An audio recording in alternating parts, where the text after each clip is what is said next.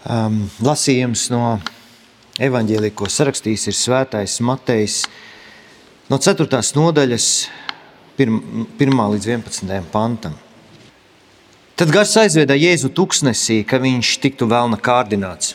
Kad viņš bija gavējis 40 dienas un 40 naktis, viņš izsalka.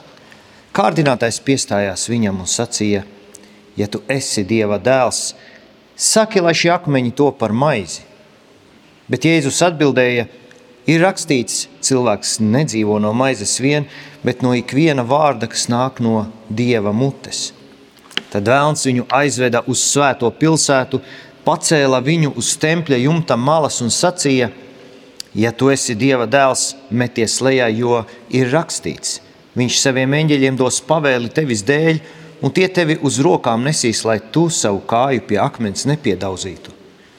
Jēzus viņam sacīja, bet ir arī rakstīts: nekārdini kungu savu dievu.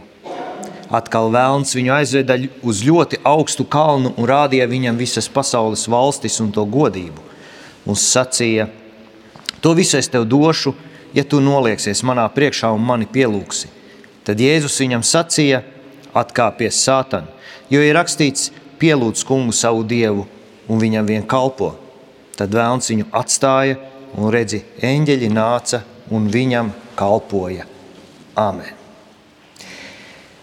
Devis Tēvs, slavējam Tevi par Tavu žēlastības evaņģēliju, par Tavu vārdu un Tavu dēlu Jēzu Kristu. Mēs lūdzam svētīt Tavu vārdu Tavā patiesībā, jo Tavi vārdi ir patiesība. Āmen!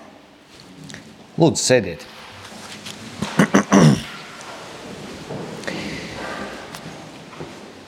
Ir šajā laikā mums ir vajadzīgs iedrošinājums, un uh, mēs dzirdam, šī ir tāda ļoti nopietna tēma un ir iesācies gavēņa laiks.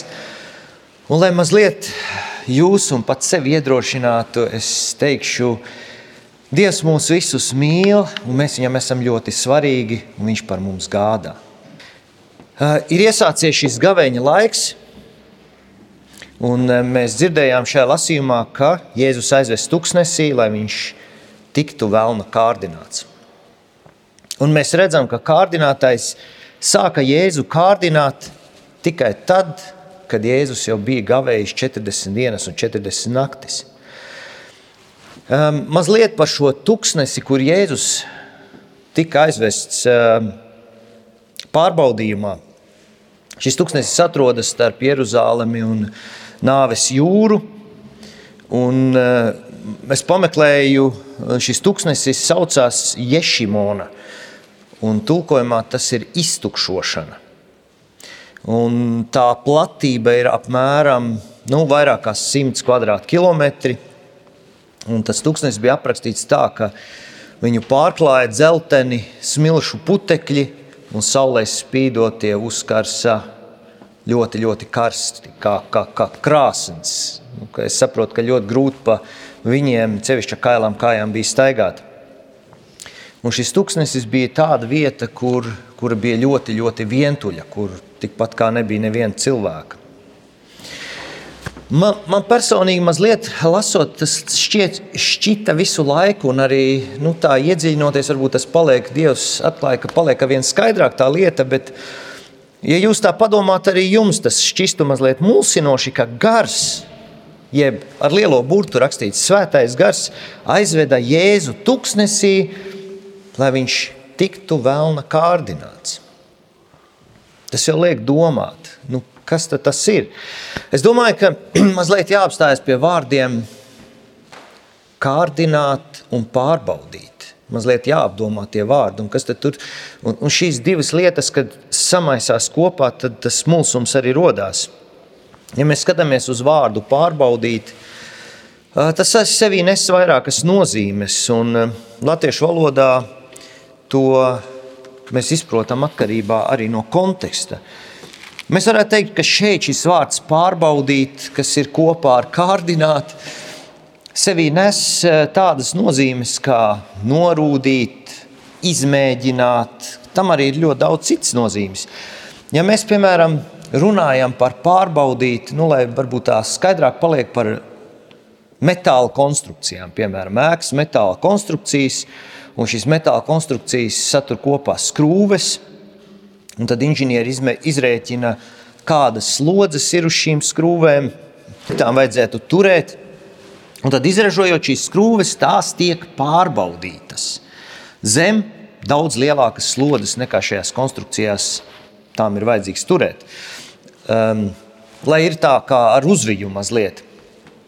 Un tad, ja tās neiztur, tad tur droši vien jāmaina tehnoloģija vai metāla sastāvs, vai, nu, lai, varētu, lai būtu pilnīgi droši ēkas konstrukcija. Līdzīgi mēs arī tiekam pārbaudīti pirms Dievs mūs aicina veikt kādu ļoti svarīgu uzdevumu. Jo šis uzdevums, ko Dievs mums uztic, tas ir nu, ļoti nozīmīga lieta. Un tas, kam Jēzus gatavojās, bija viņa aktīvā kalpošana trīs gadu garumā, un pēc tam visas mocības un krusta nāve, nokāpšana ellē un augšām celšanās. Mēs zinām, Jēzus uzdevums ir ļoti atbildīgs, bija ļoti atbildīgs. Tātad gars aizveda Jēzu tuksnesī, ka Jēzus varētu iet cauri šim pārbaudījumam, un vēlns Jēzu kārdināja. Un savukārt, ja mēs skatāmies latviešu valodā šo vārdu kārdināt, uh, tas nozīmē vairāk tādā negatīvā uh, virzienā, novest no ceļa, ievest grēkā, pavedināt uz grēku un tā tālāk. Šādi vēlni rīkojas ar katru kristieti. Un tieši to pašu mēģina Sātans darīt pie Jēzus. Jēzus šis pārbaudījums tas nebija tikai vēlns un vēlna kārdināšana. Jēzus gavēja 40 dienas un 40 naktis. Un Sātans sāka Jēzu kārdināt pēc gavēšanas, kad Jēzus bija jau faktiski, fiziski un um, emocionāli noguris, izsalcis un novārdzis. Mēs, mēs lasām, ka Jēzus bija izsalcis un Sātans kārdina Jēzu pārvērst akmeņus par maizi. Un nevien, ka Jēzus ir izsalcis un grib ēst, jo te mēs nevaram saprast, cik vispār Jēzus bija apņēmies gavēt. Vai viņa gavēnis jau ir beidzies, vai vēl ne? Otrkārt, Sātans saka, ja tu esi Dieva dēls. Līdzīgi kā ēdenes dārzā, kārdinādams cilvēku, Sātans izšauba.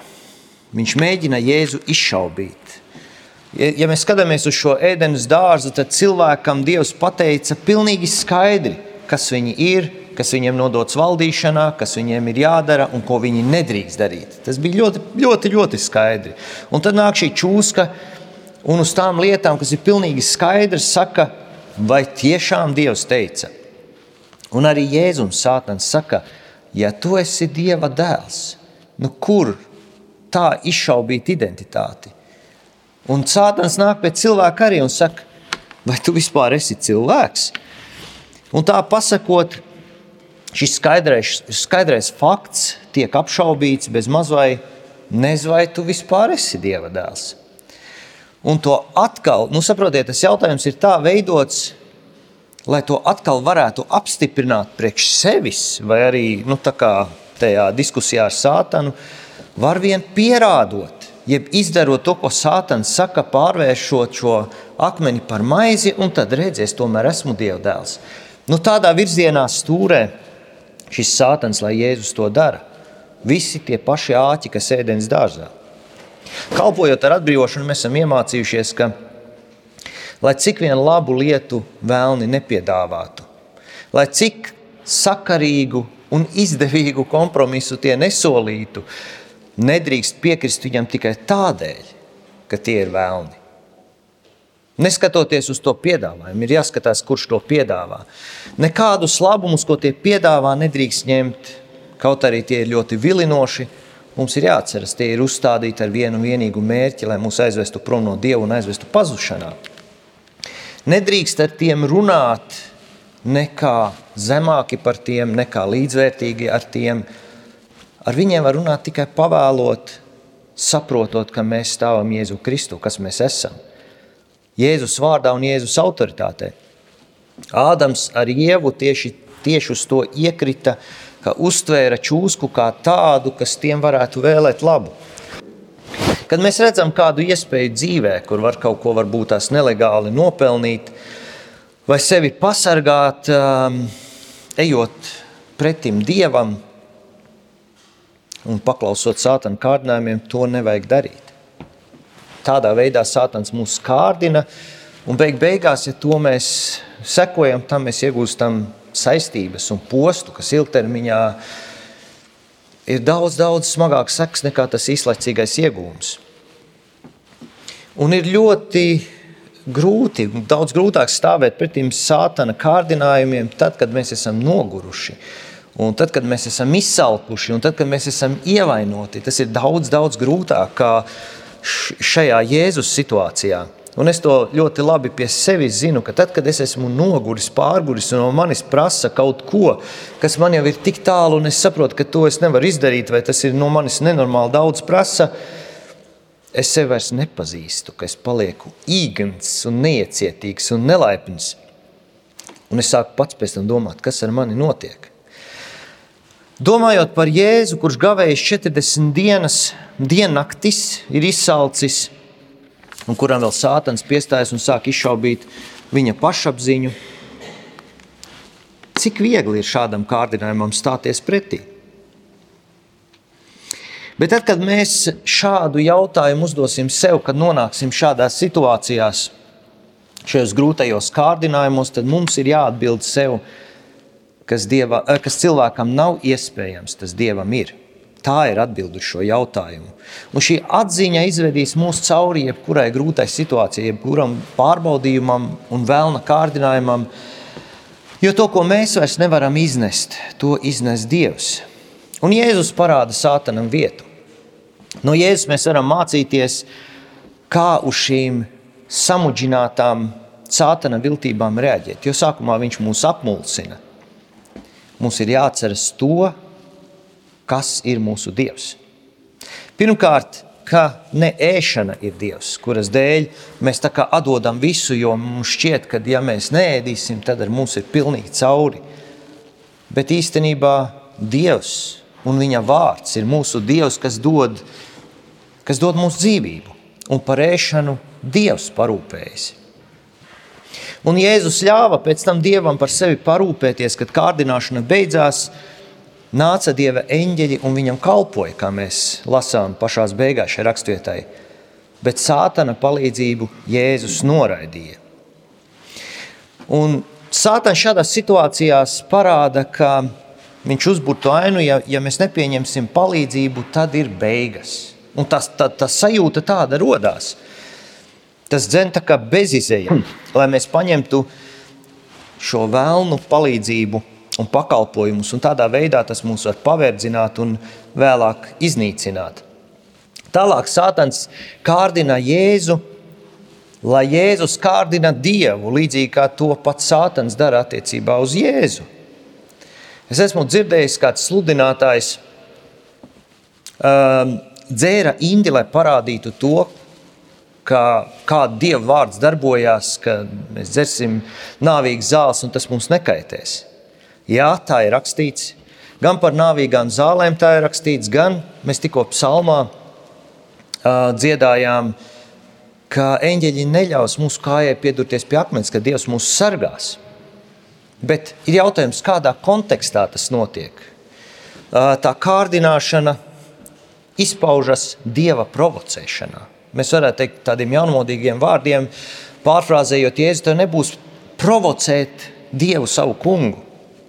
Un tā negantība ir tieši tajā, ka tādā veidā es ņemu varu, lai piespiestu dievu rīkoties tā, kā man vajag. Jo viņš taču neies pret savu vārdu. Es teiktu, tā ir kaut kādā mērā dieva šantāža. Plus ar kādu motivāciju tas tiek darīts, lai panāktu savus mērķus. Tātad mēs saprotam, kā šī kārdināšana, kur viņi ir un kādā veidā arī mēs varam stāties pretī šādai kārdināšanai, kur vēlams mūs bieži kārdinās provocēt Dievu uz kaut ko. Tātad lietot Dievu saviem mērķiem. Un tur jau, ja mēs saprotam to negantību tajā kārdinājumā, tur Dievs pārstāja būt Dievs. Jo tur par Dievu kļūst pats šis provocētājs, jo tā kā mums ir vara Dievu regulēt. Tādēļ arī šāda Dieva kārdināšana ir tik ļoti zaimojoša un bīstama. Tad, kad vēlniem neizdodas mūs kārdināt un pavedināt ar savām viltībām, bieži vien tie sāk rīkoties pavisam atklāti. Parādot visas kārtas un atkal ieliekot kaut kādu viltību tajā iekšā. Sātans tālāk iet uz visu banku. Jēz, tas Jēzum parāda pasauli un sola to dot Jēzum. Viņš sola dot Jēzum to, ko viņš ir ieguvis cilvēku nepaklausības dēļ, cilvēku grēkā krišanas dēļ, bet arī tajā ir meli. Varbūt mēs viņu sākumā neieraugām. Mēs saprotam, ka Vēlns ir ieguvis varu pār pasauli tiešām nu, cilvēku nepaklausības dēļ. Un it kā vēlams ir gaisa valnieks, vēlams, kas valda pār pasauli. Bet eh, te atkal mums ir jāpakāpjas mazliet atpakaļ un jāpaskatās uz to, ka Sātans nav dieva konkurence. Mēs to arī bieži vien aizmirstam. Sātans nav dieva konkurence. Sātans ar dievu nav divi vienlīdzīgi spēki, kas cīnās savā starpā. Sātans ar visiem kritušiem eņģeļiem ir dieva radības, un paši ir dieva īpašums, kur ir sadumpojušies un nostājušies pret dievu.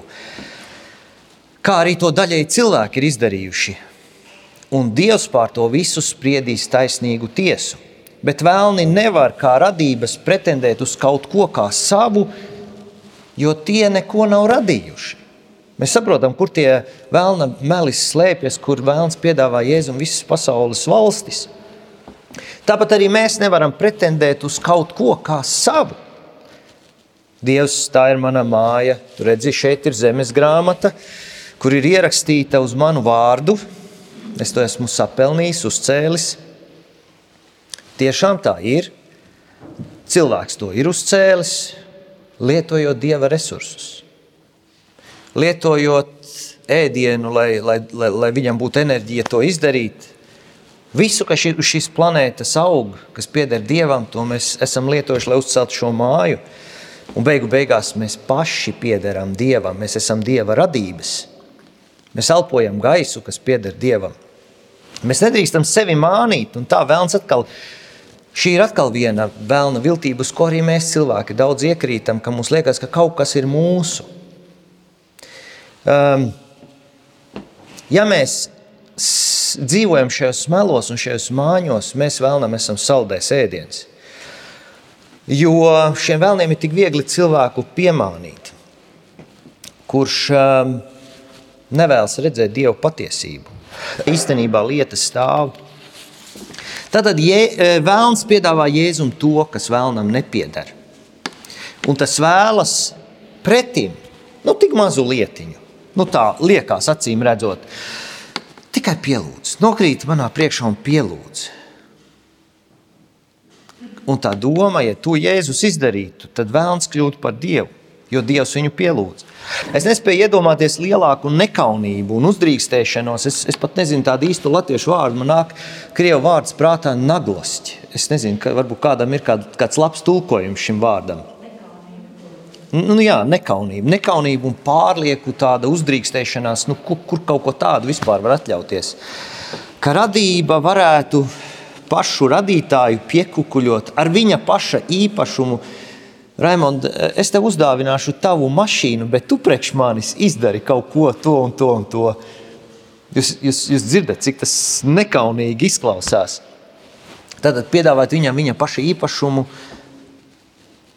lai panāktu, ka radītājs pielūdz radību. Kaut kas pilnīgi prātā nesaliekams. Bet tad, kad šī kārdināšana nāk, tas liekas tik loģiski un tik izdevīgi. Un, eh, ja mēs vēl tālāk skatāmies, tad eh, es tā domāju, un tā ir tāda varbūt pat kutelīga tēma, to kādreiz varbūt mums ar Raimondu jāpārunā, ir, ka Jēzus mūs nevis izpērk no vēlna varas, mirstot pie krusta, bet Jēzus samaksā par mūsu grēkiem, lai mūs taisnotu Dieva taisnīgajā tiesā, kur tiks tiesāti arī paši vēlni. Un samaksājot par mūsu grēkiem un taisnojot mūsu Dieva priekšā, arī vēlni zaudē varu pār mums. Es drīzāk gribētu skatīties no tās puses, jo Dievs nav neko vēlniem parādā. Jēzu Kristu mūsu grēki tiek piedoti, un vēlni tiek klāti cilvēkam caur grēkiem. Līdzīgs mēģinājums šo trešo kārdinājumu uh, ir vēlns mēģina to darīt vēlāk caur Pēteri. Kad vēlns mēģina Jēzu caur Pēteri pierunāt, izvairīties no krusta nāves. Un Jēzus atkal saka tieši to pašu, atkāpies sātanu. Mums katram mūsu drošība, mūsu dzīvība ir ļoti svarīga, bet ne svarīgāka par to, ka nesvarīgāk par mūsu radītāju, ne par to, ka viņš mūs uztur un viņš mūs mīl. Nesvarīgāka par dzīvības kungu, kurš mums dod pats dzīvību, un ja mēs mirstam, viņš mūs augšām ceļ. Tātad dzīvība arī ir viņa rokās, un mēs arī dzīvību nevaram uzlikt sev par Dievu. Noslēdzot, Jēzus mūs ļoti labi saprot. Viņš saprot ļoti labi mūsu vājības, jo viņš ir tām daudz, daudz dziļāk un daudz lielākā mērā izgājis pats cauri. Viņš saprot tas, kā tas ir, kad kārdina. Arī mums ir jāsaprot, ka mēs tiksim kārdināti un tiksim pārbaudīti. Un šī Jēzus kārdināšana mums dod ļoti tādu lielu iedvesmu, spēku, cerību un instrukciju, kādā veidā rīkoties tad, kad mēs tur atrodamies. Un vēl vairāk jēkabs saka, lai mēs turam to par lielu prieku, ka mēs krītam, ka mēs nonākam dažādos pārbaudījumos un kārdināšanās. Es varbūt neesmu tik daudz iedziļinājies, kas par vārdu stāv tieši tur, kur jēkabs to saka. Mēs kļūstam garīgi vēl stiprāki, izējot cauri šiem kārdinājumiem un šiem pārbaudījumiem. Un mēs varam priecāties, ka tad, kad mēs tiekam pārbaudīti, ka Dievs mūs ir izraudzījies kādam ļoti svarīgam uzdevumam, kur Viņš ir mūs ir novērtējis par cienīgiem to veikt, kur viņš mums dod iespēju būt stiprākiem garīgi un caur mums kaut kādas lietas izdarīt.